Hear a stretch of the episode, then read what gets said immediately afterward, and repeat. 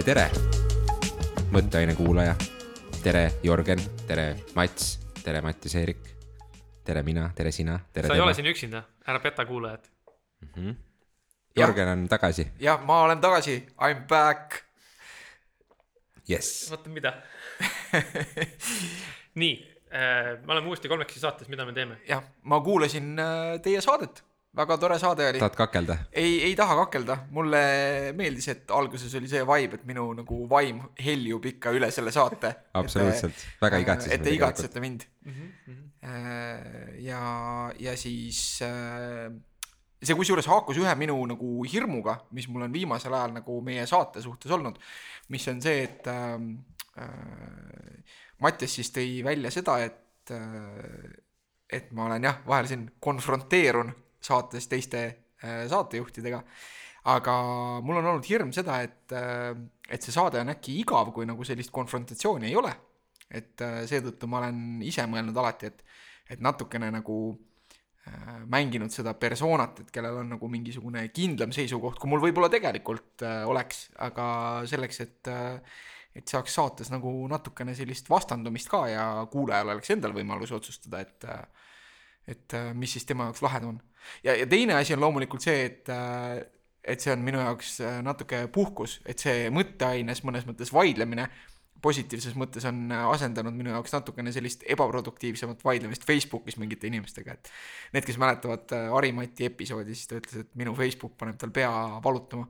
jah, aga tegelikult see, ma selles mõttes täiesti toetan seda mõtet sul, et meil ongi vaja mingisuguseid vastakaid arvamusi või meil on vaja natukene äh, nii-öelda kokku põrgata, et äh, et saaks mingisugune argumentatsioon ja mingisugune vestlus ja et me jõuaksime nagu erinevate mõtetega, sest ega me ei peagi kõik nagu üks lõõts mängima terve saade ja olema kõik ühel arvamusel ja nii on ja, ja. Et... üks riik ja üks äh, üks et... juht.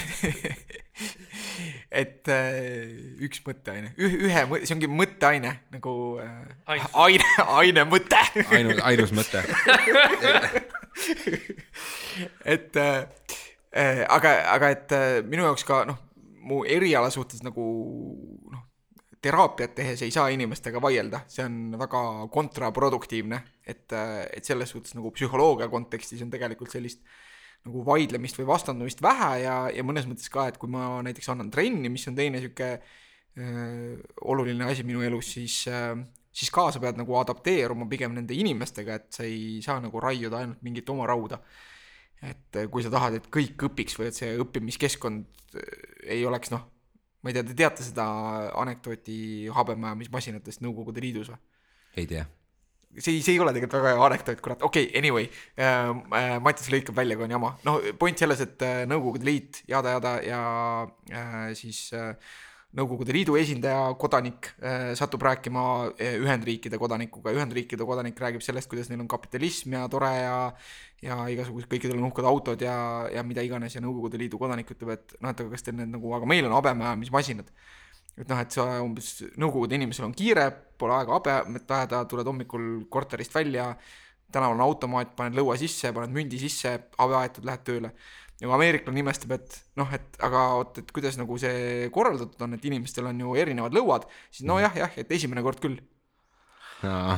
et äh.... see ei ole väga hea, aga samas see on nagu piisavalt hea, et saates ühesõnaga, et siis see mõte on selles, et, et kui sa nagu püüad vaiel-, ei oota, kuidas sa ütlesid? ei, ma tahtsin tegelikult trenni andmisest. kui sa teed trenni ja kui sa teed kõigile ühtmoodi et siis alguses on halb, aga pärast nagu kõik harjuvad ära või?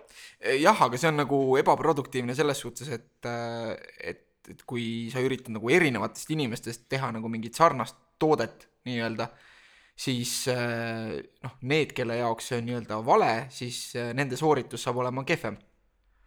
et kui ma tahan nagu noh, tegelikult treenerina ma tahan, et iga inimene nii-öelda saaks kasutada nagu seda potentsiaali, mis ta on ja siis noh, ilmselgelt nagu äh, see inimene, kes on näiteks meeter kaheksakümmend pikk ja kaalub kaheksakümmend kilo, võitleb teistmoodi ja peakski võitlema teistmoodi kui see inimene, kes on näiteks meeter seitsekümmend viis pikk ja kaalub sada viis kilo. Ühesõnaga, et meie siin mõtteaines ei diskrimineeri ja toetame indiviidi, individuaalset mõtlemist ja oma seisukohta ja ei näita kellegi peale näpuga. või siiski? ei näpuga näidata meile küll meeldib okei, kuidas siis äh, nädal on läinud, Jörgen, mis toimub sinu maailmas, nägin, et tegid koos äh, kurikuulsa Dolliga pilti.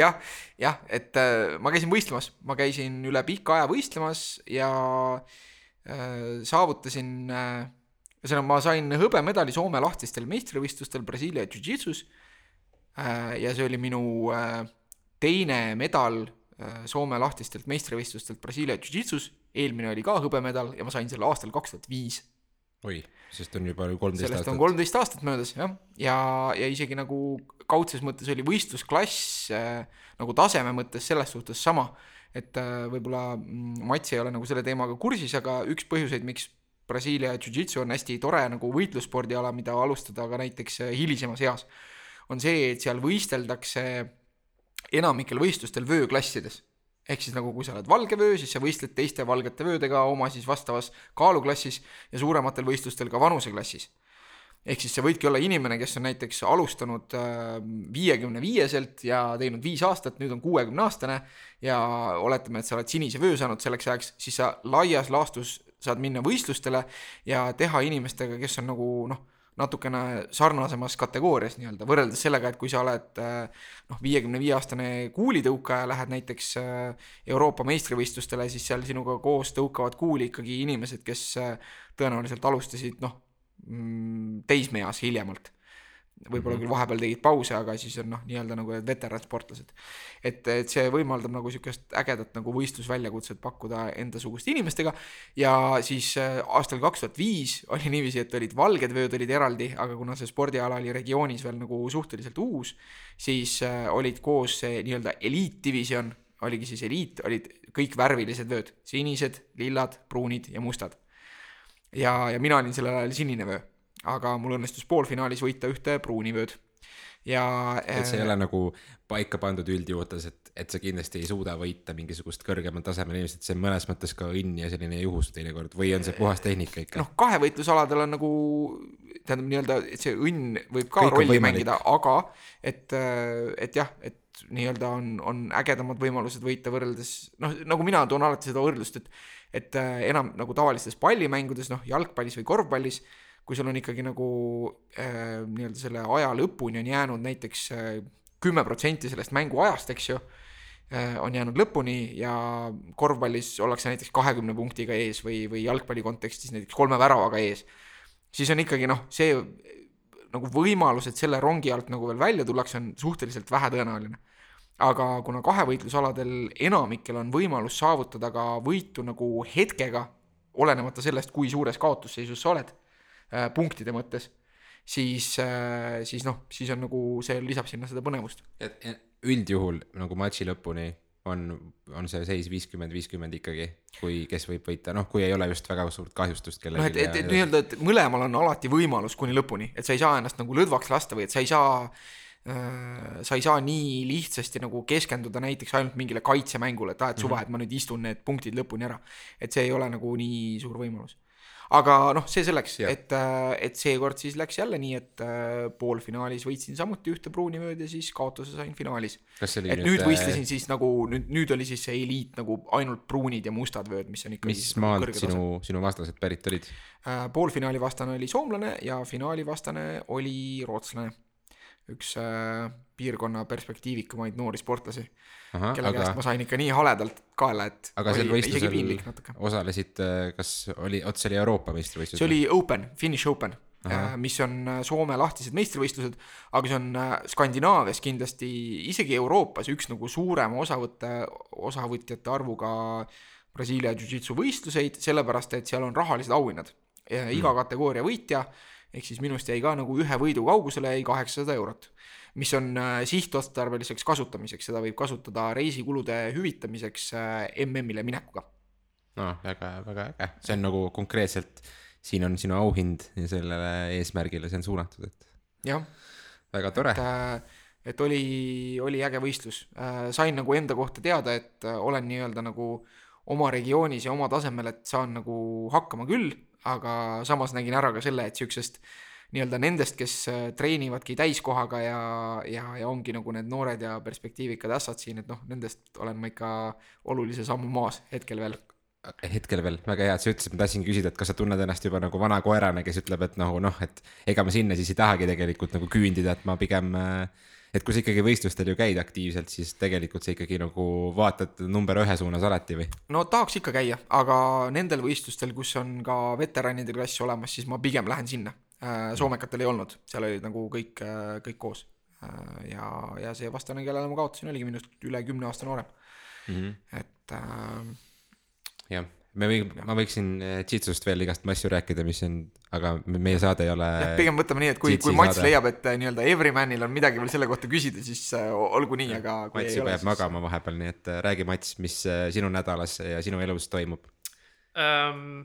no üks asi, mis on niisugune ütleme spordilainel jätkates, siis äh,, siis just oli, tuli uudis selle kohta, et Hanna-Liisa Ennet kes, äh, kellega ma olen käinud äh, koos äh, filosoofiat õppimas, ähm, siis tegi teine aprill kuni kahe, kaheksas aprill, siis nädala aja jooksul sõitis sõude ergomeetriga tuhat kilomeetrit.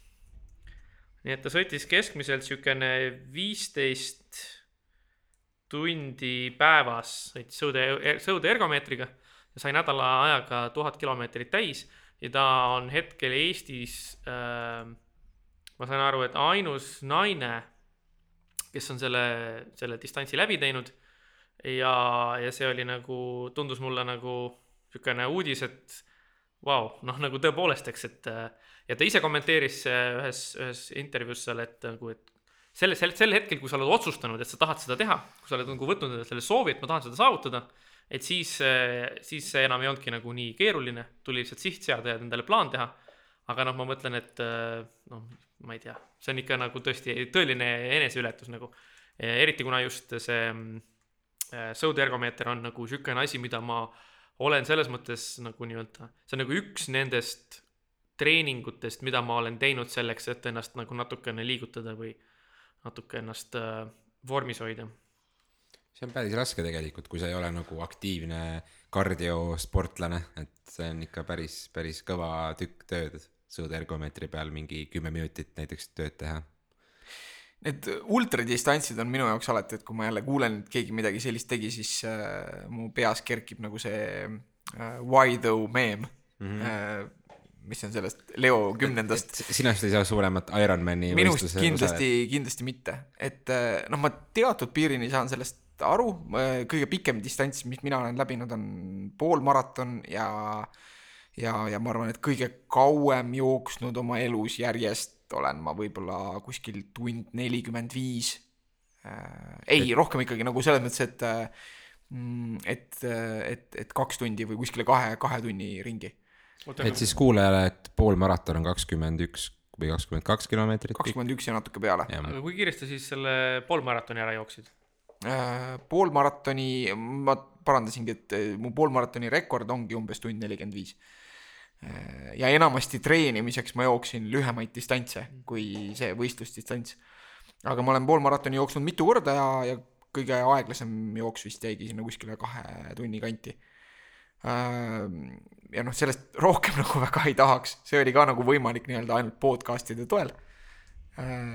et, et et see on sihuke, kuulasin möödunud aastal ühte üsna nagu sellist äh, endast rääkivat loengut siis selle Rait Ratassepa poolt, ma ei tea, kas see nimi ütleb teile midagi.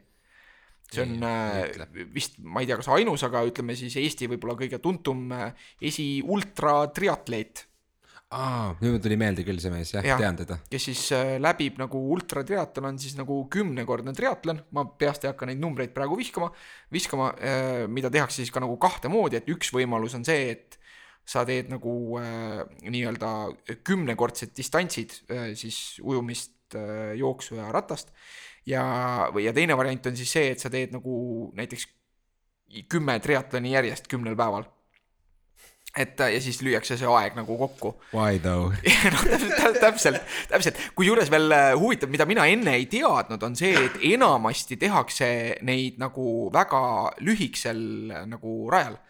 et sa sõidadki rattaga nagu ringe, sa ujudki basseinis otsi nagu Jah. siis kümnete kilomeetrite kaupa. eelmine aasta vist oli äkki kuskil Kesk-Euroopas või kuskil Saksamaal või kuskil see siis äh, kui nad seal mingit viimast, ma ei tea, mingit rattaringe või midagi tegid, siis kui ta seal mingi umbes, ma ei tea, mitmekümnendat korda selle raja peal oli, siis ta ütleski, et kõige raskem on, on mitte see distants ei ole, vaid lihtsalt see, et sa pead kogu aeg nagu ühest kohast mööda sõitma nagu, et see lihtsalt mingi hetk hakkab mentaalselt sind ära killima. ta selles rääkis, et ta ütles, et ta avastas enda jaoks selle ja ta on seadnud selle, et näiteks ratast sõidab ta öösiti. Et ta sõidab, et ta katsub nagu ajastada niiviisi siis, kui see võistluskorraldus nagu seda võimaldab, et siis ta ratta sõidab öösiti, sest siis on nagu lihtsam neid ringe uhada, sest siis seda korduse momenti ei teki, vaid kõik on sihuke ühtlane nagu pime, sihuke blurr lihtsalt. et, et noh, see on nagu päris rets ikka, aga noh, see on, eks inimesi tõmbab kas nagu neil ikka lambid on ratta küljes äh, mingi valgustus seal ikka on, aga noh, ta ütles, et see on nagu ja siis oled veel unine ka ja noh, ta ütles, et see on nagu hea asi, et see on nagu. aga noh, inimesi tõmbab nii-öelda siis, ma mõtlen just nagu nii-öelda nende pealtvaatajate või noh, et inimestele meeldivad erakordsed asjad ja, ja inimestele meeldivadki asjad, mis tunduvad raskesti saavutatavad ja nii raskesti saavutatavad, et ma ise ei suudaks neid kunagi saavutada või et ma ise, et mulle endale tundub see nagu hästi üliinimlik. ja noh, siis inimesed nagu hoolivadki nendest tulemustest ja tal on toetajaid ja et äh,, et jah, jah, see on äh, selles mõttes ikkagi teatud määral on huvipakkuv, ma arvan kõigi jaoks, et kasvõi selleks, et sa loed selle ühe lause läbi sealt uudis, uudise pealkirjast, et ahah, et see mees tegi kümme triatloni või, või siis see naine sõitis mm, -hmm. mis see oli, kümme tuhat kilomeetrit ergomeetrit, tuhat kilomeetrit äh, järg-, sõudeergomeetriga. tuhat kilomeetrit sõudergomeetrit. Et noh, iseenesest äh, ja seal sa oled ju, oled, sa oled ühes ruumis põhimõtteliselt ühe koha sa oled põhimõtteliselt ühe koha peal jah. minu jaoks, kui ma treenisin selleks samaks äh, poolmaratoniks, siis äh, käisin jooksmas ka talvel ja, ja halbade ilmadega ja mulle üldse ei meeldi joosta halva ilmaga väljas. see on asi, mida mulle ei ole kunagi teha meeldinud ja mida ma ei ole ka sisuliselt kunagi väga teinud. ja et kui on kas külm ja, või märg ja noh, kui libe on, siis üldse ei maksa enam rääkida. et siis ma jooksin päris palju sees ja mu rekord vist oli see, et äh, et äh, ma jooksin Tartu Ülikooli selles äh, sisehallis, kus on vist see suurem ring on umbes kakssada ja natukene peale meetrit, jooksin mingi nelikümmend ringi. et noh, ma vahetasin, ma mäletan, ma vahetasin iga nagu mingisugune viie ringi tagant nagu jooksusuunda. juba, juba selle tõttu, et, et nagu kiiva ei hakkaks kiskuma kuidagi väga ühele poole, et noh, sest see ring on ikkagi piisavalt väike, et sa tunned, et see, et sa ühtepidi oled nagu kurvis kogu aeg, et see mõjutab. aga, aga noh, see on nagu nagu NASCARi ralli, vaata. terve sõit käib kogu aeg. keerad vasakule kogu aeg. et no ja selle kohta on ka tegelikult noh, ma saan aru, inimesed on küsinud minu käest või kellele ma olen sellest rääkinud nagu mingi vau-vau, et kuidas sa umbes suutsid mingit sihukest asja teha, et see on nagu nii nüri lihtsalt. aga noh, too oli samamoodi nagu ma kuulasin sel ajal mingit podcast'e ja ma ei mõelnud üldse selle peale, ma ei olnud nii-öelda, ma ei olnud üldse mõttega asja juures, ma lihtsalt tegin seda, keha nagu tiksus ja, ja.... aga vaata siin, me ei saa muidugi jooksmisest ja rattasõidust öösel ja päeval ja ükskõik kuna rääkida selles mõttes, aga iseenesest sõudeergomeetri peal võib-olla VR-prillidega on päris mõnus kuskil mujal olla. noh, et vaatad mingisugust, ma ei tea, mida, aga samal ajal oled koha peal ja muudkui lased. jah, et see on ju üks, ma ei mäleta, kas see saatest meil jooksis läbi, aga üks inglane, üks inglise programmeerija tegi endale rakenduse, kus ta siis nagu äh, ühendas ära enda VR-seadme ja Google Maps'i mm. -hmm. ja siis rattaergomeetriga sõitis nagu nii-öelda terve Inglismaa see, see oli, see oli saates, Madis rääkis meile vist või sina rääkisid, keegi rääkis äh, ja see on päriselt jah, siin varem läbi käinud, et äh, mul on kolleeg, kes sõidab kodus nii-öelda rattahooajast väljaspool, siis talvisel ajal on ka nagu selline süsteem, setup tehtud tal nii-öelda, et ratas on nagu selle masina peal.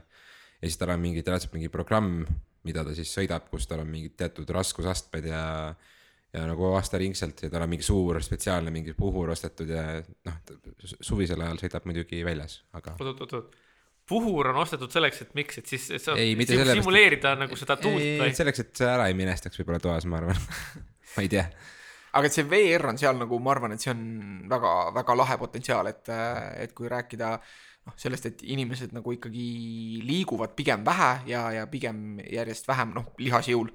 et siis äh, see VR on, ma arvan, see, mis, mis võiks tuua nagu siin päris sihukest äh, uut aktiivsust, et noh, mõtelge, tõmbad sõudeergomeetriga näiteks ja VR-prillidega näed, kuidas sa tõmbad mööda Atlandi ookeani ja mingi hai ujub kõrval ja värk ja võiks ju päris nagu äge olla. ma olen alati soovinud või noh, ma ei, ole alati soovinud, ma lihtsalt olen mõelnud, et kui ma kunagi saaksin proovida seda, siis ma tahaksin teha niimoodi, et ma tahaksin minna sinna floating tank'i on ju, mis on siis eesti keeles siukene, see on siukene kapsel, kuhu sa lähed sisse siis on ju, ja tasakaalutu olekus, et sa oled seal soolavees on ju Tallinnas neid on vist ka. Väga lahe ja siis ta ühesõnaga isoleerib sul valguse ja heli ära niimoodi, et sa kuuled põhimõtteliselt ainult enda keha ja enda hingamist ja siis umbes. ma olen vist mingi paar aastat tagasi ühest podcast'ist kuulasin, et umbes läheb sul esimesed korrad läheb võib-olla mingi nelikümmend viis minutit aega üldse, et sa suudad välja lülitada enda, ennast. ja siis, siis on see moment, kus sa saad mediteerida või ühesõnaga mis iganes äh, välja lülitada ennast siis mõtlengi, et tahaks äh, sellises, sellises olekus äh, prillid peas näha mingisugust kosmose mingit HD videot. ja siis enne seda ma tahaks veel ühe kanepiküpsisega ära süüa, siis ma tahaks nagu ultra trip ida lihtsalt niimoodi kuskil kontrollitud, äh, kontrollitud keskkonnas, et see võiks olla väga lahe. no ma ei tea, võib-olla ei ole. no selles mõttes, et äh, nagu minimaalselt või siukest, kuidas öelda, et siukest siis äh, odavat varianti et tuleb minna spaasse, kus on, kus on see soola surn-, surnumere vann ja siis äh, riietusruumis võtad ühe õlle ja ongi. kui see spa Tartus, kus on äh, soolavann äh,, tahab meid toetada, et me selle nime ka välja ütleks, siis te Paketi. teate, kust meid leida. Te teate, kust meid leida äh, jah, vastuvõtus, registratuuris. aga mis, mul on sõbrad rääkinud, kes on käinud floating us ja ütlevad, et äh, et ei olnud nagu seda väärt, et, et selles mõttes lõõgastumise mõttes noh, nii-öelda, et see ongi jäänud sinna, et, et kodus mediteerida selle küpsise saatel võid sa teha ka tasuta või noh, siis selle küpsise hinnaga. ja, ja, ja nagu sellise kehalise lõõgastumise ja selle, et võib-olla oleks targem investeerida see raha näiteks korralikku spordimassaaži hoopis mida, mida sa saad nagu selle umbes äh, sama rahaühiku eest saad isegi nagu võib-olla noh, poolteist korda, mitte ühe korra nagu seda floating ut. kusjuures Tartus saab äh, ühes äh, spaas saab tai massaaži niimoodi, et üks tai tädi on sul seljas ja tõmbab su käsi tahapoole, samal ajal kui ta põlvedega sinu selja peal on. nägin pilti et äh, ma ei tea, kas keegi on proovinud, võib-olla keegi, kes kuulab, võib kommenteerida, et kas oli, oli hea, oli ebameeldiv. mina isiklikult kunagi ei ole proovinud, et võib-olla peaks proovima. ma ei tea, äkki enne seda ka üks küpsis ära süüa mul, äh, ma tean, et üks äh, salong Tartus pakub massaaži Tiibeti laulvate kaussidega. ahah, no vot. mis sina sellest arvad? mina, mina olen käinud ühes sellises massaažis kus äh, enne kui massaaž algas, sa pidid vastama küsitlusele. Miks me Jörgeniga naerame? Sa pidid vastama, sa pidid vastama ühele küsitlusele, kus äh, küsiti su käest äh, nii-öelda, sul oli, sul oli üks kakskümmend küsimust ja siis igale küsimusele oli kolm vastuse varianti. ja siis nende, nende vastuse variantide põhjal siis pidi välja selguma sinu mingisugune, ma ei tea, mingi hinge või isiksuse tüüp. Ja siis vastavalt sellele oli siis vaja nagu pidi valima siis selle mingid õiged õlid ja mingisugused pulbrid ja meetodid. ja siis see, see teenusepakkuja oli väga nii-öelda kimbatuses, sellepärast et kui ma esimese tiiruga kõikidele küsimustele ära vastasin, siis mu vastused jagunesid äh, peaaegu võrdselt, äkki oligi vist umbes niimoodi, et mul oli nagu seitse, ei no see umbes, see oli niimoodi, et mul oli võib-olla kaheksa ühe selle variandi nagu poolt ja kaheksa teise variandi poolt ja siis neli kolmanda variandi poolt. ja siis, kuna ühte selget võita ette ei olnud, siis ta, siis ta käis mulle pinda niikaua, kuni ma ühe vastuse ära muutsin, et siis ikka oleks nagu üks selge nii-öelda see isiksuse tüüp äh,. nii et äh, selles mõttes, et igasuguseid, igasuguseid massaaže on. mina ei tea midagi sellest. ei ole sellist kogemust, et enne pead testi tegema. aga noh.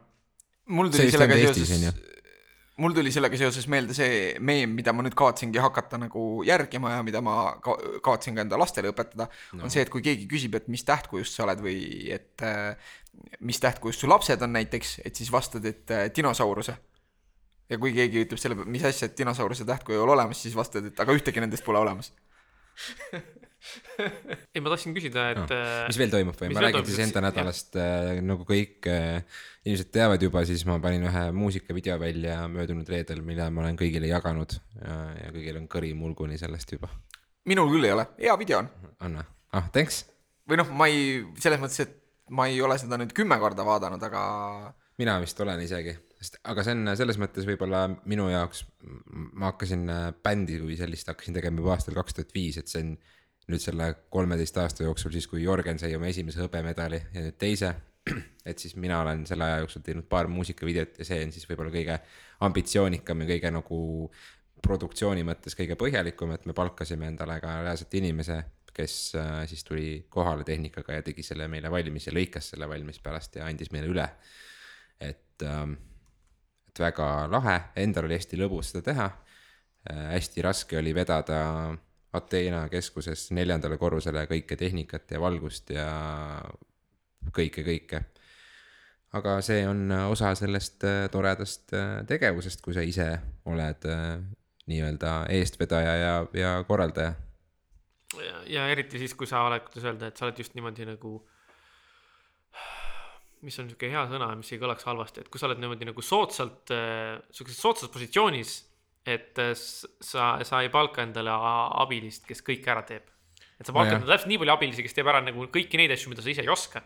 aga no et see oleks, see oleks natukene nagu, et meie palkaksime siia mõtteainesse endale inimese, kes äh, tuleb ja toob mikrofonid ja lindistab meid, onju. Ja ja just. siis pärast annab meile klipi nagu, et. jah, või, või, või et üks inimene, kellele me, me saadame toore faili ja siis tema lõikab kõik äh, ilusasti kokku ja kusjuures, ega kui ja kui, kui keegi audioentusiast, näiteks äh, sotsiaalmeedia podcast Seven Blaze, kus ma käisin Tallinnas külas, seal on üks inimene, kes nagu reaalselt ongi nii-öelda entusiast ja tuleb kohale ja lindistab neid ja siis pärast lõikab selle saate valmis ja saatejuht ise nagu selles mõttes selle poolega absoluutselt kokku ei puutu.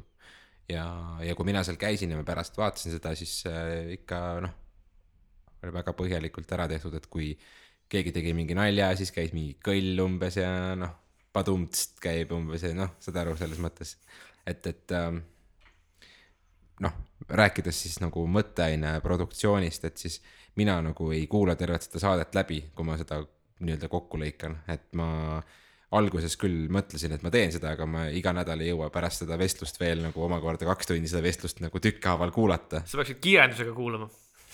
aa, see on nagu huvitav vahemärkus, et äh, ma kuulasin äh, eelmise nädala mõtteainet mm -hmm. ja ma katsetasin ka kiirendust mm -hmm. ja, ja näiteks teie häälte nii-öelda see rääkimistempo ja see oli sihuke, et äh, äh, nagu ma jõudsin selleni, et see, mis mulle nagu veel sobis või nii-öelda ideaalne oleks olnud nagu kiirendus üks koma üks aga siis ma otsustasin nagu tõmmata ühe peale tagasi, et see nagu ei olnud seda väärt, et see ikkagi nagu moonutab seda häält ja ma eelistan keelata, kuulata teid nii, nagu päriselt on. et kui ma panin sealt kiiremaks, kas siis äh, ma proovisin üks koma kaks, üks koma kolm, üks koma neli, sest mu see tavaline, millega ma kiirendusega siis kuulan mingeid asju, on üks koma neli jäänud, siis noh, see oli nagu liiga kiire. ma, ma tajusin esiteks seda, et ma ei saa normaalselt kaasa mõelda ja, ja teiseks siis seda, et, et teid oli lihtsalt nagu liiga veider kuulata no vot, jah, mina ei ole meid kiirendusega kuulanud ja ühtegi teist saadet ka, ma olen siiamaani oma elust iga kord andnud kolm tundi ära, kui ma Joe Roganit kuulan, nii et vot. rääkides asjadest, mis on veidrad. Pärnus üks äh, inimene otsustas mootorrattaga politsei eest ära sõita ja siis ta sõitis politseiautosse sisse, kukkus pikali, püüdis jala eest ära joosta, siis ta saadi kätte ja siis ta ütles, et mul on valus ja siis talle kutsuti kiirabi. Ja ma ei tea, tähendab, ühesõnaga see algus uudis, kõlas nagu GTA mängimine. see, see uudis on ühesõnaga mainis, et tegemist on inimesega, kes esiteks, kellel polnud juhtimisõigust, noh nagu selle kategooria sõidukile. ja teiseks, ta on nagu korduvalt äh, liiklus äh, nii-öelda siis nende rikkumiste osas on karistatud, on ju. ja siis ma mõtlen nagu, et ma ei tea, minu, minu peas on nagu see, eks, et, et mis paneb sind ronima mootorratta otsa, kui sul pole lube ja siis kihutama kahesajaga ja siis püüdma politsei eest ära sõita ja siis sellega mitte hakkama saada. et seal on nagu noh, nagu seal on nii palju samme, kus on nagu see, et sul oli võimalus seda asja paremini teha, aga sa otsustasid mitte. mulle mulle meeldib, et see lõpupoint on ja siis sellega mitte hakkama saada, nagu see ka valik. Ride a bike they said, it'll be fun they said. ja siis sa otsustasid seda mitte teha nagu. selles mõttes, et noh, nagu, et eh, see on eriti kuna, kuna see, kuna see konkreetne, noh, need tänavad, kus see tagaajamine seal ja värk nagu käis, et need on mul mm, Pärnus äh, kodukoha lähedased tänavad, siis mina hakkasin kohe mõtlema selle peale, et kuidas mina oleks sõitnud, kui ma oleks juba nagu teinud need eelnevad valikud ja ma olen selles olukorras, kus ma nüüd juba põgenen politsei eest oma mootorrattaga. et milliseid nagu noh, pöördeid või tagasipõikeid või asju ma oleks teinud või, või kuhu ma oleks ennast põõsasse ära peitnud, eks. et äh, noh, nagu võib-olla kui ta oleks käinud autokoolis ja kõik need nagu ilusasti sõitma õppinud, siis ta oleks osanud seda teha ja ühtlasi poleks tal olnud vaja seda teha. nii et äh, mõtteaine moraalinurk täna ütleb seda, et äh, omandage legaalne juhtimisõigus. jah, ja ärge kihutage, sellepärast et äh, nad on milleks nagu, eks. ma ei tea, ühesõnaga min, minul oli küll nagu see, et minu pähe ei mahu, miks keegi peaks neid niisuguseid otsuseid langetama, et nagu nende tulemusel sõita sisse politseiautosse, ilmselt oma ratast täiesti ära lõhkuda ja siis sattuda veel haiglasse, eks. tõenäoliselt mitte oma ratast. no mine tea. jah. meenus, eelmine aasta oli ju ka see juhtum, kus, äh, mida kõik äh, said vaadata sotsiaalmeediast, kus siis see ja. lõpuks politseibuss nagu rammis tagant seda, seda ratast. tütarlaps ja noormees koos. üks oli, üks oli vist välismaalane isegi äkki. ja, ja kuidas siis, äh, see oli üks selliseid asju, mis mis ka selgelt nagu polariseeris ühiskonda mm, -hmm. kui võib nii öelda, sest väga äh, inimestel millegipärast olid eh, väga tugevad arvamused, kas siis ühtepidi või teistpidi. sõltuvalt eh, siis väga selgelt mõnedest asjadest, kui ma nagu jälgisin seda debatti, et siis noh, ilmselgelt inim-, et inimesed, kellel on endal mootorratas ja, või kellel on võib-olla keskmisest inimesest sagedamini olnud pahandust politseiga need siis nagu eelistasid selgelt äh, või noh, olid siis nii-öelda nagu nende rikkujate poolt ja inimestel, kellel mootorrattaid ei ole ja, ja kellel ei ole pahandusi politseiga, olid siis enamasti nagu nii-öelda õiguskorra äh, või noh, nii-öelda selle poolt, et õigustada politsei käitumist. jah, Jörgen, mis sinu, mis mõttes nagu oli sel nädalal? Äh, minu, mis mõttes nagu oli see, et ma käisin eelmisel nädalal et kas see nüüd oli eelmisel, noh, ühesõnaga meie aeg mõtteaine podcast'is on suhteline, aga ühesõnaga hiljuti. aeg on kogu aeg suhteline. jah, äh, käisin äh, lugemas loenguid, äh, käisin rääkimas Tartu maakohtus ja, ja Tartu linnakohtus vaimsest tervisest ja käisin rääkimas liikumisest ja, ja liikumise motivatsioonist Tartu tervisekonverentsil ja mul õnnestus näha ühte ettekannet peale minu enda, sest mul ei olnud nagu aega pikemalt sinna jääda ja see oli veebikonstaabel äh, Maarja Punak. ja äh, teate, olete kokku puutunud Facebookis või kuskil mujal nagu veebikonstaabliga, keda nüüd on siis noh, tema on, oli see kõige esimene, eks ju, aga nüüd on nagu veel neid, on Andero keegi ja noh, aeg-ajalt ma näen mingeid teateid nende poolt, mitte isiklikult mulle suunatud. Hea Jörgen, palun vaata üle see FB postitus. jah, aga, aga mul oli, aga ta nagu rääkis hästi, väga hästi rääkis, hea ettekanne oli, aga see oli nagu väga eluline ja väga konkreetne. Ja see oli üles ehitatud niiviisi, et noh, algas, et oli lihtsalt natukene totakas, et ta rääkis selle või noh, nii-öelda nagu naljakalt totakatest asjadest rääkis. sellest, kuidas siis äh, digiajastul on nagu probleem see, et äh, klassivennad nagu võtavad nii-öelda virtuaalselt üksteist mõõtu, et panevad nagu oma meheau lauale ja joonlaua kõrvale ja siis saadavad üksteisele neid pilte. Äh, ja, ja nagu. klassiõdedele siis või? Ei, üksteisele just. Mul on küsimus, kuidas need klassivennad tuvastavad, et tegemist on just konkreetselt klassivenna kehaga? et nagu, mis on see, miks, mis nagu ta, mis takistab mõnd klassivenda võtmast mingit pilti internetist? Äh, siin on ka üks neid probleeme, et neid tehakse nagu teatud moel identifitseeritavaks, et kas seda tehakse kuidagi nagu peegli ees või et jääb sinna nagu peale ka noh, et see inimene on nii-öelda äratuntav sealt. Ja noh, ja sealt tulebki ilmselge nagu miinus sellega, et, et olgugi, et võib-olla mõeldakse selle peale, et seda tehakse nagu mingis rakenduses, mis justkui selle ära kustutab, siis inimesed ikkagi nagu screenshot ivad neid. Ja näiteks kui mingis seltskonnas, kus siis seda omavahel tehakse, keegi nagu läheb teistega tülli, siis nagu nood näiteks äh, panevad tema need pildid kuskile üles. Ja, ja sealt edasi nagu nii-öelda see, see ettekanne nagu eskaleerus väga kiiresti, jõudiski selleni, et, et on Eestist äh, alaealiste nagu siis äh, seksuaalse sisuga klippe ja pilte juba jõudnud näiteks Pornhubi, kus noh, need on nii-öelda kuskilt lekkinud ja, ja need on siis sinna üles jõudnud ja et on väga noh, nii-öelda Eesti võimudel on väga raske nagu noh, see on väga aeganõudev protsess, et neid asju sealt eemaldada.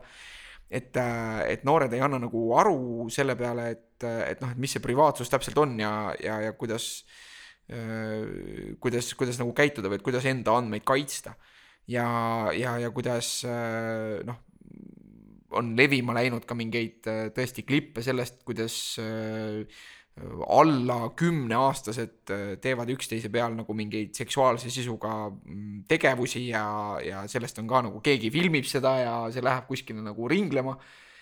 ja, ja noh, seal on nagu igasuguseid probleeme, eks ju, et ka, et äh, sisuliselt, kui neid ka need noored ise jagavad, siis äh, tehnilises mõttes on tegemist õigusrikkumisega, eks ju, sest kui sul on nagu erootilist või seksuaalset materjali alla neljateistaastasest äh, noh, ma ei tea, kuidas siin on nagu, et kui sa nagu oma last pildistad vannis või nagu mis värk sellega on või noh, et kuskil seal on ilmselt mingisugune nagu, aga noh, et kui seal on mingi seksuaalne alatoon või erootiline alatoon, et siis on nagu tegemist, tegemist õigusrikkumisega juba iseenesest, kui sa seda pilti omad. kusjuures ja... see natukene tulles tagasi lai-, laiemalt sellesse laste pildistamise ja postitamise teemasse, siis ma olen äh, ise nagu julgelt äh, tagasi tõmmanud enda laste piltide ülespanemist oma sotsiaalmeediakanalites. näiteks just äh, laupäeval ma tegin seda, aga see oli selles mõttes selline tore nagu ühine hetk, kus me sõime jäätist.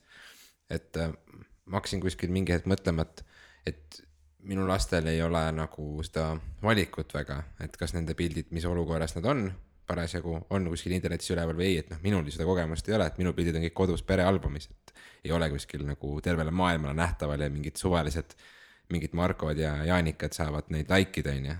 et selles mõttes see on päris, äh, kõigil tasub mõelda sellele, et, et kõik, kes on peale sinu enda seal pildil, et äh, ja kui nad ei saa väga kaasa rääkida sellele, et olgu see sinu vanaema või olgu see sinu laps või olgu see mõni võõras laps, et siis see on päris tõsine punkt, millele mõelda ja noh, see nagu lähebki veel hullemaks nagu selles suhtes, et, et, et seal ta siis ütles ka, et et noh, tihti on nagu seda, et äh, jagatakse siis või et kui need videod on le levima läinud, siis keegi, kes on saanud kontrolli selle materjali üle, see näiteks otsib üles selle äh, videos olija ja pressib välja näiteks midagi, et, äh, et näed, mul on see materjal, umbes pressitakse välja siis noh, nii-öelda täiskasvanud pressivad välja siis nende alaealistega kohtumist näiteks või täiendavat materjali, mis, mis on kuidagi neilt siis noh, kas on kuidagi kellegi kaudu saadud või, või lihtsalt neilt kuidagi noh, välja, välja nagu petetud või, või meelitatud. kas äh, sellest ka räägiti, kuidas sellele potentsiaalselt nagu lõpp teha, kui on selline tagakiusatud olukord, et keegi pressib midagi välja, et noh, see konstaabel ju on selle jaoks, kes aitab nagu modereerida seda probleemi või kuidagi nagu. et kindlasti, kui see asi on sinnamaale jõudnud, siis kindlasti pöörduda juba politseisse, aga noh, millele tema rõhus ja kus mina sain nagu mõelda, et okei okay,, et ma vist olen nagu noh, et ma olen nagu samas, samal lainel nii-öelda lapsevanemana, noh, ta ütles, et et tegelikult tuleb nagu nendest asjadest ja, ja noh, ka üldisemalt, et seksist, seksuaalsest materjalist ja sellest, selle olemasolust internetis nagu tuleb rääkida pigem varem kui hiljem. ja ta ütles, et noh, nagu noh, sisuliselt on ikkagi see, et kui ta ütles, et kui laps saab enda esimese nutiseadme, ükskõik kui, mismoodi see on piiratud või, või noh, et kui see on ikkagi sisuliselt esimene nagu interneti ühendatud seade, siis selleks hetkeks või vähemalt sel ajal hiljemalt peaks algama nagu lapse harimine kõige suhtes, mida, millele ta internetis sattuda võib. Äh, ükskõik, kuidas see noh, millised filtrid või blokeeringud sul ka nagu vaikimisi seal alguses äh, peal ei ole ja siis seda nagu WTF-i tuleb sealt kõvasti veel, et ta rääkis, et noh, et see nutiseadmete probleem kiitis Eesti koole, kus ta ütles, et paljudes koolides on nagu äh, tehtud erinevaid keelde nagu nutiseadmete kasutamise suhtes, et, äh, et õpilased ikkagi äh, hommikul panevad enda telefoni kuskile ära, võivad mingitel kindlatel hetkedel seda vaadata ja, ja siis rohkem ei, ei kasuta aga, aga samas äh, ütles seda, et on lasteaedu, kus on probleem sellega, et lapsevanem nõuab, et tema laps peab olema kogu aeg telefonil kättesaadav ja siis ongi nagu sellel lasteaialapsel nagu nutifon kogu aeg käepärast ja lasteaiaõpetajatel on väga raske seal kuidagi seada mingeid piire, kuigi noh, see oli mul nagu ka, et noh, mis mõttes nad ei saa öelda lapsevanematele, et kuule, jah, peab ikka saama jah, või et nagu. pane enda laps siis teise lasteaeda, kui sa umbes sellega hakkama ei saa, et. just, et sul on ju tegelikult igas, noh, lähed, minnes kohe lasteaia peale üle, et igas rühmas on ju oma telefon, kuhu teavitatakse hommikul puudumisest või mis iganes probleemist või mingist rõõmust, on ju. ja seesama telefon on alati see number, kuhu sa võid lapsevanemale helistada kasvõi päeval kell üks, kui nad umbes magavad et küsida mingis, mis iganes Just. mure sul on, et, et sul ei pea olema nagu enda lapsel mingisugune, saadad talle Instagrami mingi miimi ja siis saadad kõrvale, et kuidas muidu nagu päev läheb, et noh, see ei, ei pea nii olema. nii, aga tahate WTF, tahate, ma räägin veel masendavamat juttu nii, nii no,. et, et. Jörgen siis..., Jörgen on tagasi ja tal on, rauad on äh, kuumas. ei no tavaliselt mu WTF on enamasti ikka sihuke natukene humoorikas või sihuke, aga noh, see oli nagu väga karm ettekanne tegelikult, et mm, -hmm. et ta rääkis siis ka nagu nendest kampaaniatest ja, ja sellest, kuidas sotsiaalmeedias see likeide kogumine, et kuidas see ikkagi paneb nagu noori ka väga ohtlikke tegevusi tegema ja ennast kahjustama, et Eestis on ka ikkagi nagu neid nii-öelda nagu Daredevil juba noh, videosid ja need, asju. Tide-poode söövad jah äh,? jah, ja, ja siis äh,, siis rääkis ta ka sellest kondoomide ninast läbitõmbamisest ja, ja siis nende Tide'i pakikeste söömisest millest oli hea, hea nagu meem oli ühelt minu äh, nagu toitumisnõustajalt Instagramis, keda ma jälgin, kes oli see, et aasta kaks tuhat kaheksateist on see, kui äh, noored mur, nagu söövad taitpoode ja äh, täiskasvanud inimesed nagu arutavad omavahel, et kas süsi, süsivesikute söömine on ikka nagu safe or not. et, äh, et on, oleme jõudnud sellisesse absurdi äh,, aga siis, et on ka selliseid kampaaniaid, nagu ta rääkis, et teemaviide Sinivaal, äh, mis on nagu sellised nii-öelda mängud, kus äh, justkui äh, tavaliselt mingi täiskasvanud inimene on nagu mängujuht või, või nagu sinivaal ja siis teised hakkab nagu, hakkab ta teistele andma nagu mingeid ülesandeid, mis on seotud nagu enesekahjustamisega, mis on justkui mäng, mis siis peaks lõppema sellega, et selle mängija nagu sooritab suitsiidi. et see viimane ülesanne on nagu ennast ära tappa erineval moel ja et äh, jah, ma näen. Äh, mis mõttes nagu? no ja, ja niiviisi on ja, ja sellised äh, kas emotsionaalselt raskes seisus või, või kuidagi haavatavas olukordades noorest hakkavad seda nagu kaasa tegema, et noh äh,, ennast vigastama, mm, tegema mingeid ohtlikke tegevusi, pressitakse samamoodi välja endaga nagu kohtumist äh,. et mis, mis levis nagu Vene ringkondades just, et Eesti politsei oli nagu teadlik, aga tõigi välja nagu sellise kurioosse asjana tõi välja siis selle, et see Sinivaala kampaania, olgugi et Eestis võimud olid sellest teadlikud, et siis selle juhtumeid ei olnud nagu teada, aga äh, siis see üks Eesti äh, seriaal nimega Kättemaksukontor, siis seal oli olnud nagu justkui mingisugune episood või, või ühest episoodist teise mingi nagu lõng äh,, kus justkui nagu äh, etendati või noh, seal selle süžee osa oli siis nagu sarnane stsenaarium. Äh, ja seal oli siis selle nimi nagu hashtag kuldne liblikas.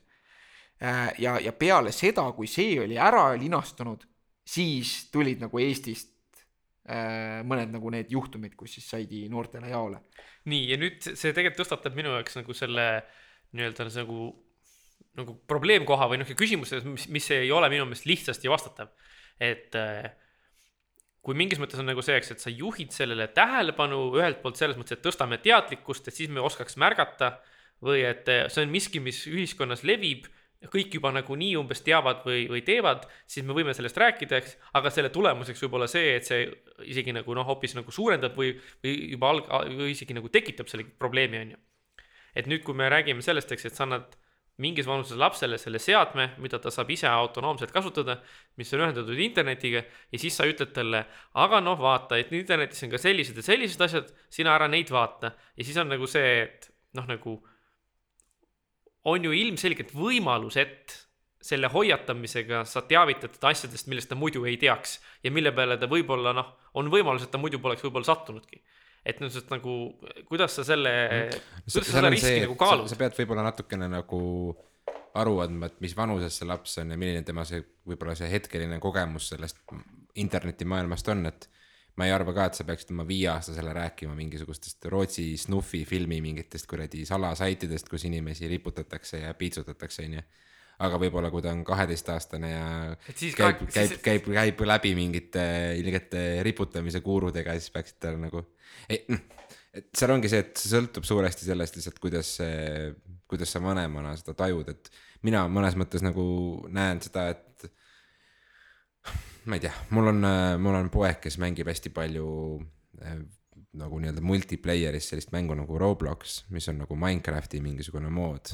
Ja, ja siis äh, seal on vägivalda päris palju tegelikult, et seal nagu tapetakse üksteist ja tulistatakse ja, ja ehitatakse maju ja mingeid hooneid ja asju, et see on siukene nagu kombinatsioon nagu ägedast mängust ja siuksest nagu tavalisest mängust, mida mina tegelikult ka juba kuue-seitsmeaastaselt hakkasin mängima mingitest tuumidest ja Duke Nukemitest alates, onju.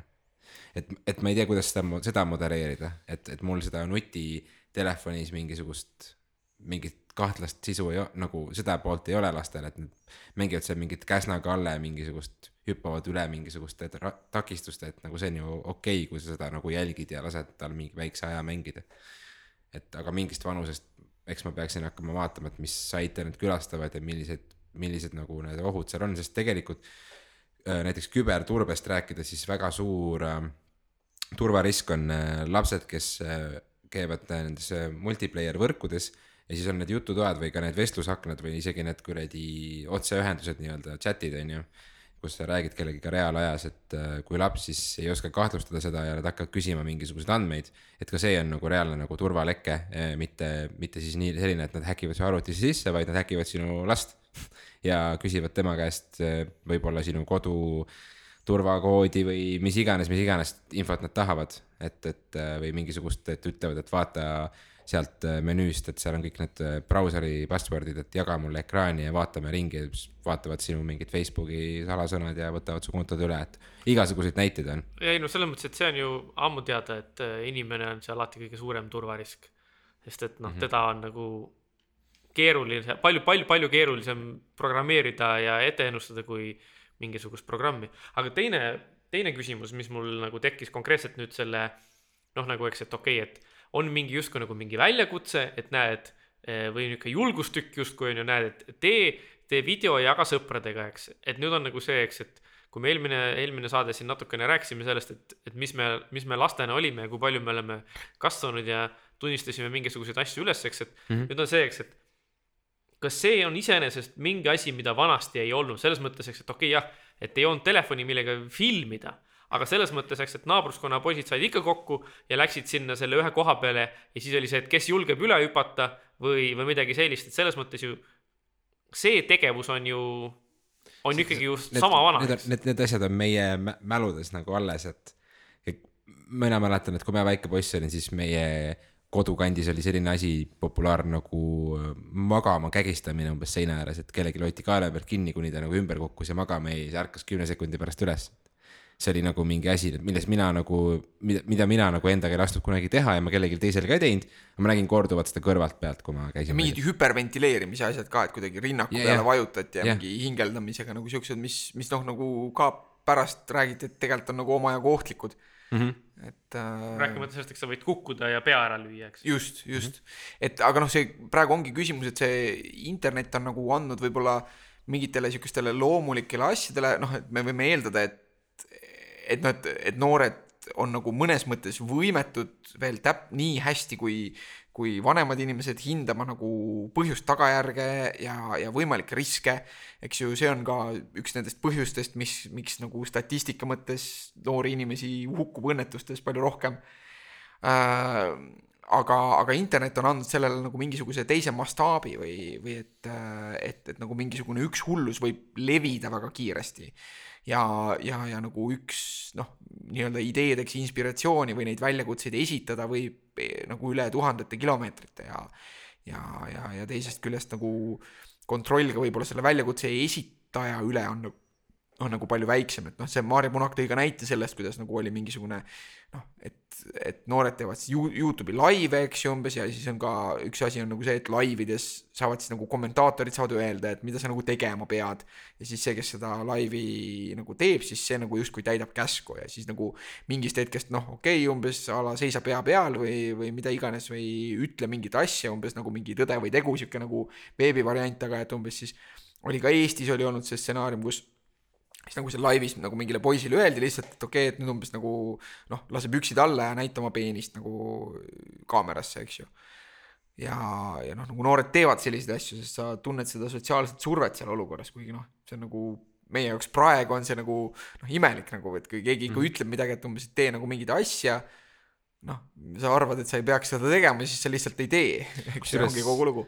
jah, väga äh, kummaline asi juhtus minu, minu WTF lühidalt läheb võib-olla siia teemasse, et ma viisin oma äh, tööarvuti äh, garantiisse, parandusse, garantiiaeg on tal läbi, aga klaviatuuris üks klaviatuuri nupp ei töötanud ja viisin ta siis sinna nii-öelda Apple'i toodete garantiisse või, või, või parandusse. ja siis, kui ma üle andsin selle toote, selle arvuti, siis, siis äh, küsiti mu käest, et kas sa saaksid siia paberile nagu enda sisselogimise parooli kirjutada. siis ma olin, et mis mõttes nagu, siis ta oli, et noh, et kui meil on vaja seda klaviatuuri testida. siis ma olin, et ah, siis teil on see külastaja nagu külaliskonto nagu igal arvutil või siuksel laptop'il on üldjuhul see, et sa saad nagu mingi noh, mingi kestkonto nagu selline, et. ja õunatoodetel see on, et ma olin nagu, et mis mõttes nagu, et mul on seal sisse logides automaatselt kõik meilikontod, sotsiaalmeediakontod, privaatsed dokumendid, laste ja mingid avaldused. kõik, kõik, kõik on ju arvutis sees, et kuidas ma saan anda nagu oma, oma parooli mingisugusele tehnikule, kes nädal aega selle arvutiga menetleb kuskil tagaruumis nagu. et ma, ma ei tee seda kindlasti. ja siis, siis ta käis korraks tagaruumis ja küsis nagu tehniku käest, tuli tagasi, ütles no okei okay,, me saame ilmaga hakkama ja.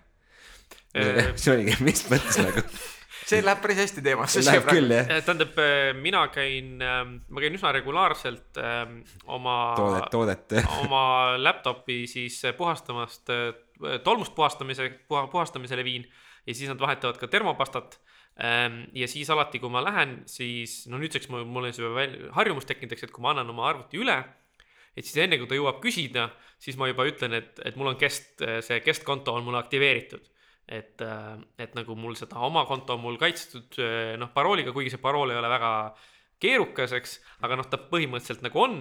Ja siis ma ikkagi kasutan nagu, mul on see kest on aktiveeritud täpselt sellepärast, et kui ma, kui ma noh, niisugune kaks korda või, või, või, või poolteist korda aastas käin arvutiparanduses, siis ma tean, et nad saavad sealt sisse logida ja nad saavad sealt nagu mingisuguseid lihtsamaid teste ja proove teha, et tõepoolest ma nagu ei näe ka mingit põhjust, miks, miks nagu sellel töötajal peaks olema nagu selline juurdepääs, sest et seal ei olegi ühtegi põhjust peale selle, kui sul tõesti on ainult üks konto arvutis ja sul ei ole seda külaliskontot, aga siis sellisel juhul ma oleksin pidanud ütlema, et okei okay,, et andke mulle arvuti tagasi, et ma nüüd mingi viis minutit, ma te tekitan selle konto nagu, et mitte mingil juhul ma ei saa ju noh, et sa lähed, annad oma telefoni näiteks parandusse, siis öeldakse, et kuule, anna oma PIN kood ka, et me logime su kaardiga sisse, onju mm.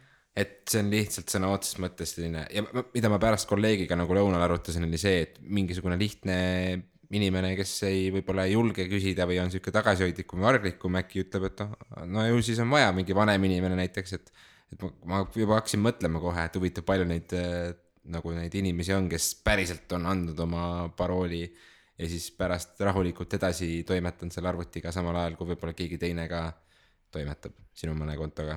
Ma ei usu, ei usu, ei süüdista, aga noh, see on reaalne turvarisk.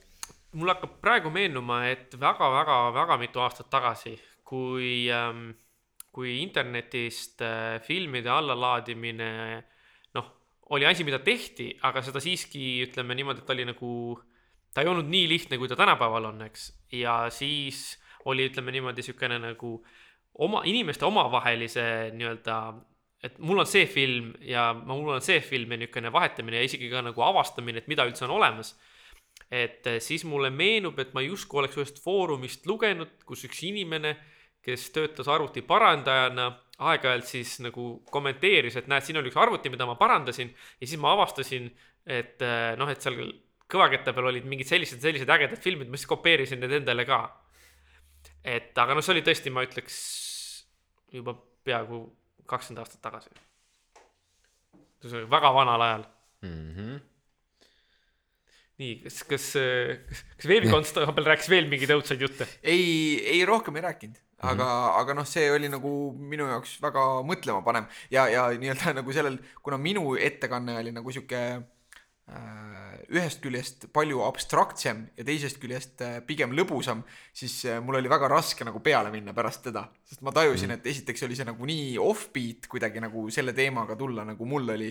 Ja, ja, ja teiseks ma olin ka ise nagu kuidagi emotsionaalselt nagu häiritud sellest äh, tema ettekandest. see on väga tõsine, et milline see publik seal oli, mis vanuses või kuidas see, milline, milline see seltskond seal oli, kes, kes ta kuulas ja Äh, kaasa rääkis? see saal oli üsna rahvast täis, seal olid siis kas seal olid lapsevanemad ka näiteks? kindlasti, kindlasti, seal oli jah, pigem nagu noh, ma ütleks, et võib-olla keskmine vanus oli ikka seal kuskil äh, noh, mingi neljakümne ringis või. jah, me oleme üks tund rääkinud, et me võib-olla suurt teemat ei peagi. võib-olla ei jõua lihtsalt. jah, et nagunii, kui sa tahaksid juba nagunii ka liikuma minna varsti, siis meil ongi, kell on juba jah, kell on öö. kell on pikalt me öö. teeme veel.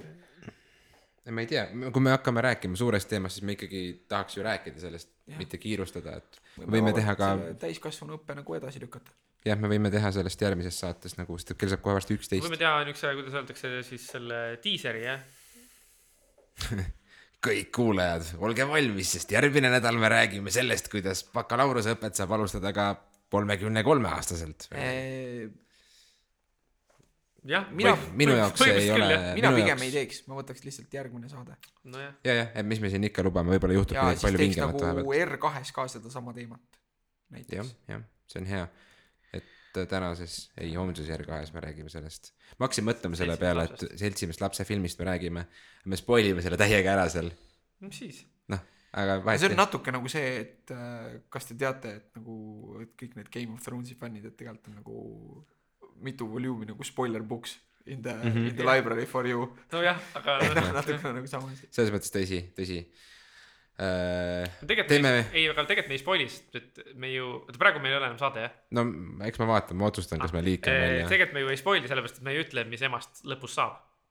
ahah, jah, see on tõsi, see on ja, tõsi. ja tegelikult ema viiakse ju tegelikult kohe alguses ära, nii et selles mõttes see ongi nagu, see on ju see, millest see see film on nagu. treiler ilmselt ka, ma ei ole treilerit vaadanud, jah, nii et selles mõttes see Okei, ei ole nagu mingi. aga me peaksime ilusti veel siin mikrofoni ees selle saate kokku võtma ja, ja mis ma tahtsin öelda, ma tahtsin öelda veel, et me oleme Youtube'is ka nüüdsest ja siis ma tahtsin öelda. mina tahtsin adresseerida seda küsimust äh, mälust, mis äh, Matsil eelmine kord oli. ta ütles ühes kohas, et kui Jörgen oleks siin, et siis ta oskaks kindlasti öelda selle mälu kohta. Aga ütle, räägime sellest ja juhata siis. see sisse. okei okay.. eelmises saates, kui äh, teie rääkisite enda äh, noh, nagu nendest kiusamisjuhtumitest, aga rääkisite ka positiivsema poole pealt, et sellest, kuidas te mingeid lapsepõlve asju mäletate, siis oli see moment, kus äh, Mats ütles, et või Mattias, sina rääkisid, kuidas sa ühte enda lapsepõlvemälestust tahad nagu justkui hoida või säilitada, et sul on noh, nii nagu ikka need lapsepõlvemälestused on kuidagi nagu sellisel nagu teisel tasemel kuidagi elulisuse või, või eredusega tihtipeale. ja, ja et kuidas sa siis seda mõnes mõttes nagu enda mälestus või mälu, mälus nagu harjutad selleks, et seda alles hoida. ja, ja siis äh, Mats kommenteeris, et äh, nojah, et see on nagu, et, et kui Jörgen oleks siin, et siis ta võib-olla täpsemalt oskaks öelda, et kuidas sellega on, et, et sa hakkad nagu mäletama oma äh,, oma meenutamist või, või midagi sellist et noh, põhimõtteliselt on jah, Matsil on nagu õigus, aga, aga see ei ole mitte noh, tegelikult ju sa ei hakka mitte mäletama oma meenutamist, vaid vaid kõige lihtsam siin on öelda, kuigi mina ei ole ju ka nagu mäluteadlane või, või et see ei ole nagu minu see süvitsi sihuke valdkond. et, et, et tuleb nagu meeles pidada seda, et mälu ei ole nagu mingisugune passiivne protsess, et see ei ole nagu arvutil, et sa annad arvutile nagu mingi käskluse ja siis arvuti nagu töötleb mingisuguse informatsiooni mis on eelnevalt sellisel kujul kuskile kohta X salvestatud ja siis see nii-öelda sealt võetakse välja. et mälu on nagu alati aktiivne protsess, et isegi kui su mälestus on värske, siis äh, justkui sa nagu meenutad või meenuvad nagu mingisugused äh, noh, mingid nagu võtmedetailid ja siis see ülejäänud mälestus nagu teatud mõttes ehitatakse sinna ümber. Et ka, et noh, ka see on väga mingite abstraktsete asjadega ka niiviisi, et kui te näiteks mõtlete praegu nagu ma ei tea, näiteks õunast, et, et mõtelge nagu õuna peale, eks ju, teil on mingi, mingi kogemus või mingi mälestus elus on nagu õuntega, aga siis just see hetk praegu, eks ju, ma ütlesin sõna õun, on ju, ja siis see õ, sõna õun nagu käivitas teie mälus nagu mõnes mõttes nagu loova protsessi, kus siis ehitati mingisugune kujund nagu õunast nii-öelda noh, jutumärkides ehitati ja, ja mälestustega on samamoodi, et, et kui sa võtad mingisuguse lapsepõlve mälestuse, siis mingid nagu need võtmeelemendid nende ümber siis nagu iga kord, kui sa reaalselt meenutad, siis ehitatakse nagu see mälupilt. ja, ja, ja see mälupilt siis noh, need mõnes mõttes see, et mida, mida rohkem sa siis seda harjutad, seda, seda rohkem see kinnistub aga, aga ta on siis nii-öelda kinnistub nagu see, mida sa harjutad, et kui sa mingeid kindlaid elemente nii-öelda nagu tuletad meelde, siis, siis need on need, mis iga korraga järjest hakkavad omandama nagu suuremat kaalu ja, ja need asjad, mis nagu, mida sa ei meenuta, need asjad hakkavad meelest ära minema ja noh, nagu me teame ka eksperimentidest, et äh, lapsepõlve suhtes nagu valemälestusi luua on nagu väga lihtne või et, et see mäluperspektiiv on väga lihtne äh, näha nendel, kellel on nagu lähedases vanuses õdesid-vendi, et Mats, sul on nagu kindlasti Sveniga mingeid selliseid momente, kus on justkui nagu mingi üks sündmus, kus te mõlemad olite kohal, aga see sündmus on nagu teie mälest-, kummagi mälestustes nagu suhteliselt erinev või nagu mingisugused olulised asjad on seal väga erinevad. et kindlasti annaks leida selliseid asju ning nagu väga tõenäoline on see, et kui ka näiteks praegu, kust, kui te oma vanuses, kui te võtaksite mingisuguse siukse asja ette ja arutaksite selle omavahel äh, nii-öelda selgeks, siis järgmine aasta näiteks uuesti kokku saades ja sedasama asja meenutades oleks see juba nagu homo, negi äh, Homo- homogeniseerunud jah. äh, välja arvatud juhul, kui te just nagu ei tee sellest enda jaoks nii-öelda asja, et aa, et see on see asi, kus minul on see mälestus ja, ja mu äh, vennal on see mälestus ja meil mõlemal on õigus. minul on, minul on näiteks äh, üks väga selge mälestus äh, ühe oma sõbraga äh,, shout out Martin Räägule siinkohal, et meil on kummalgi väga selge mälestus sellest, kuidas äh, me mõlemad osalesime Pärnumaa meistrivõistlustel lauatennises, siis kui äh, mina vist olin, ma arvan äh,, äkki kolmeteistaastane, tema viieteistaastane, midagi siukest või noh, neliteist, kuusteist, midagi selles vanuseringis. ja me mäletame selgelt seda, et äh, mõlemad mäletame seda, et äh, nii-öelda mina jäin nagu see mina, mina ehk siis tema jaoks tema jäi eelviimaseks ja siis see nii-öelda teine või noh, the other jäi viimaseks. ehk siis, et äh, me mõlemad mäletame selgelt, et me kaotasime kõik mängud, välja arvatud omavahelise mängu. ja me mõlemad oleme väga veendunud, et meil on õigus see on nii hallidest aegadest ka, et internetis kuskil ei ole mingit protokolli või midagi. sa pead kuskil äh, oma vana kooli kuskil, mina ei tea, mingisuguses. A- arhiivi kaevama kuskile. kuskil raamatukogus. Pärnumaa mingi spordiseltside arhiivi.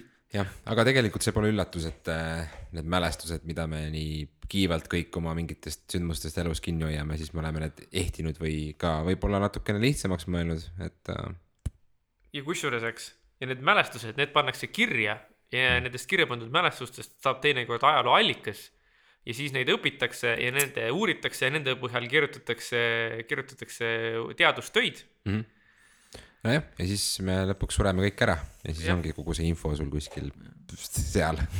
nüüd on Youtube'is. jah, ei tegelikult see on äh, podcast'i pidamine on ka ju üks nagu mingis mõttes nagu oma elu jäädvustamise vorme, mis ma olen mõelnud, et, et näiteks ütleme, et noh, on olukord, kus minuga juhtub midagi ja mind enam ei ole, siis minu lapsed saavad mingi kuuskümmend viis osa mõtteainet kuskilt suvaliselt kahekümne aasta pärast võtta internetis ja kuulata, mida mina mingisugusest jumala suvalisest sündmusest sellel nädalal rääkisin. see Et noh- mõnes mõttes äh, tekitab huvitava perspektiivi, millest me kaudselt oleme saates ka rääkinud, et, et tänapäeval on ikkagi, me ei mõtle selle peale, et kuidas me väga olulise osa nagu ajaloost ja oma mälestustest ja noh, igasugustest päevikutest ja kõik ka, mis on nagu digiformaadis, me äh, mõnes mõttes anname selle info nagu erafirmade kätte või et me nii-öelda haldame neid justkui väga olulisi mingeid äh, talletus või salvestus, et me anname selle haldamise äh, erafirmadele. jah, me peaksime pöörduma kõik Rahvusraamatukogu poole ja andma kõik podcast'id nende kätte hoiule, et aga, aga mis saab siis, kui tuleb äh, kolmas maailmasõda ja rahvusraamatukogu, raamatukogu lastakse mingi raketiga õhku? ei no aga siis on kõik on pilves. ja, ja eelmine aasta kusjuures oli ju see uudis, kui äh, ma võin siin nagu selle asutuse nimega mööda panna, aga et justkui mingisugune väga tähtis muuseum Ühendriikides, umbes mingi Ühendriikide rahvuslik muuseum või noh, midagi sellist teavitas, et nüüd sellest aastast alates nad ei arhiveeri enam kõiki säutse. et ennem nad justkui äh, Ühendriikide kultuuripärandina arhiveerisid nagu kogu Twitteri aga et nüüd on seda mahtu nii palju ja kuna sinna on lisandunud lisaks tekstile ka hästi palju pilti ja videot, siis nad lihtsalt ei suuda enam seda teha ja kuidagi neil hakkas seal tekkima mingi valik või, või mingit moodi kureerimine. et, et ma ei kujuta ette, et kas, kas kuskil on mingi institutsioon, mingi sõltumatu institutsioon, mis näiteks veel lisaks arhiveerib kogu Youtube'i, noh ilmselt mitte. kusjuures äh, analoogsel teemal rääkides, siis äh, kui mina näiteks oma bändiga teen mingisuguse loo valmis ja ma laen selle internetti üles, siis ma ei lae seda lihtsalt kuhugile serverisse üles, vaid äh, on üks teenus, mina kasutan sellist teenust nagu DistroKid, mis on nagu distributsioonifirma, kuhu ma siis ma maksan iga aasta oma krediitkaardilt äh, ühe väikse summa ja siis see annab meile võimaluse siis piiramatus koguses äh, singleid üles laadida aasta jooksul. ja seal on olemas selline asi nagu legacy mode mis on siis see, et on ühekordne summa, kui ma laen üles selle loo, siis ma saan valida, saan sinna linnukesse panna ja siis mul see summa mingi läheb, no ütleme, seitsmest eurost läheb mingi seitsmekümne euro peale, midagi sellist.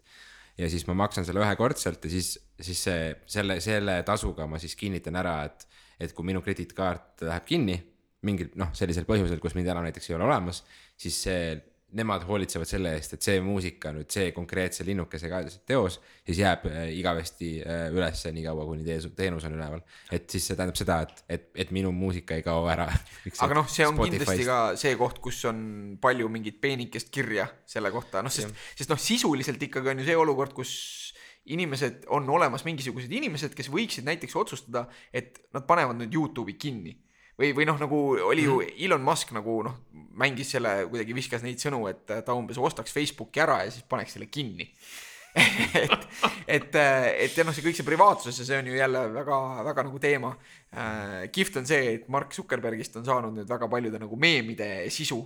ja, ja see on jah jõhker robot ja mis mis kõike. et äh, ja siis on need, need juba need nii-öelda noh, väga meta-meta tasandi meemid, kus on see, et oo, vaadake, et tore, et see nagu see sisaliku meemi tüüp sai Facebookis tööd et ta on nüüd Facebookis tööl äh, äh, aga, aga noh, need on, et me ei mõtle selle peale, et, et, et tegelikult võib-olla paljudes asjades, et olgugi, et ka riigid on mõnes mõttes nagu mööduv nähtus, siis, siis mõnes mõttes võib-olla teatud asjade puhul oleks kasulik äh, leppida näiteks kehvema kvaliteedilise teenusega, mida pakub riik, äh, puhtalt sellepärast, et äh, riigile rakenduvad mingid teised standardid, näiteks privaatsuse suhtes, aga ka selles suhtes, kuidas siis ta justkui, kui riik on lubanud midagi teha, et justkui kuidas ta peaks kinni pidama oma lubadusest, võrreldes sellega, mis on nagu mingisugusel näotul, nimetul multiriigi multimiljardilisel firmal jah, nüüd ei ole küll enam mitte midagi öelda, loodame, et vaid, et vaid loodame vaid, et meie, meie taskuhääling jääb kõlama igavesti.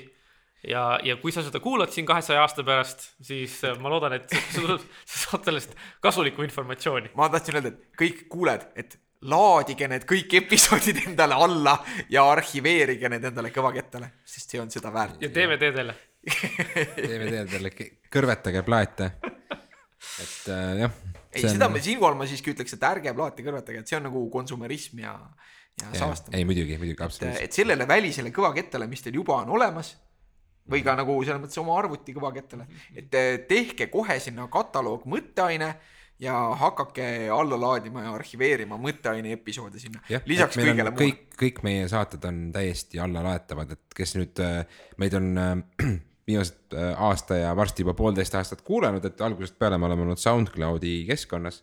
siis nüüd me enam ei ole, et äh, me võtsime kasutusele sellise podcast idele konkreetselt orienteeritud keskkonna nagu Podbean. mis on siis, äh, mis on muuhulgas siis võimaldanud ka nüüd selle, et kõik meie saated lähevad automaatselt Youtube'i üles meil ja, ja samuti me oleme nüüd me ei ole veel kättesaadavad Spotify's, aga meie saade on sinna juba kaks nädalat olnud hindamisel, nii et ühel hetkel lisaks Eestist, Eestis on ainult üks äh, taskuhääling, mis on Spotify's üleval, kas te teate, mis see on äh,? on rohkem, on tussisööjad, on digitund, on okay. autotund thanks, et sa mu paraadile just sittusid aga, aga jah. tõde, nagu tõde on tähtsam kui äh,. kui... Mattiase illusioonid. okei, ühesõnaga. ma lõin selle noa nüüd keset lauda või kuidas? et me saame, et, et mõtteaine.ee on see veebileht, kus kaudu saab kätte selle playlist'i, kus saab kõiki osi laadida päriselt ka, kui tahad neid enda vanaemale lasta siis, kui ta on maal ja teeb ahju tuld alla ja öelda, et see on lahe saade just ja et kes siis kasutavad Youtube'i, siis äh, subscribe ige meie kanal ja. jah, et äh, lükka üks suu, nagu öeldakse. jah mitte, mitte Subway. ei, ma just tahtsin öelda, et ja kui sa oled see võileivafirma või kui sa tegeled allveelaevadega vot, aga aitab tänaseks kõik. ma tahtsin meelde tuletada seda, et võib-olla mõned kuulajad ei tea, et miks me siin äh, neid nukke kokku lööme, et äh, tervitusmeetodina nukkide kokkupuutumine inglise keeli fist bump on kakskümmend korda hügieenilisem kui käepigistus. nukid. nukid.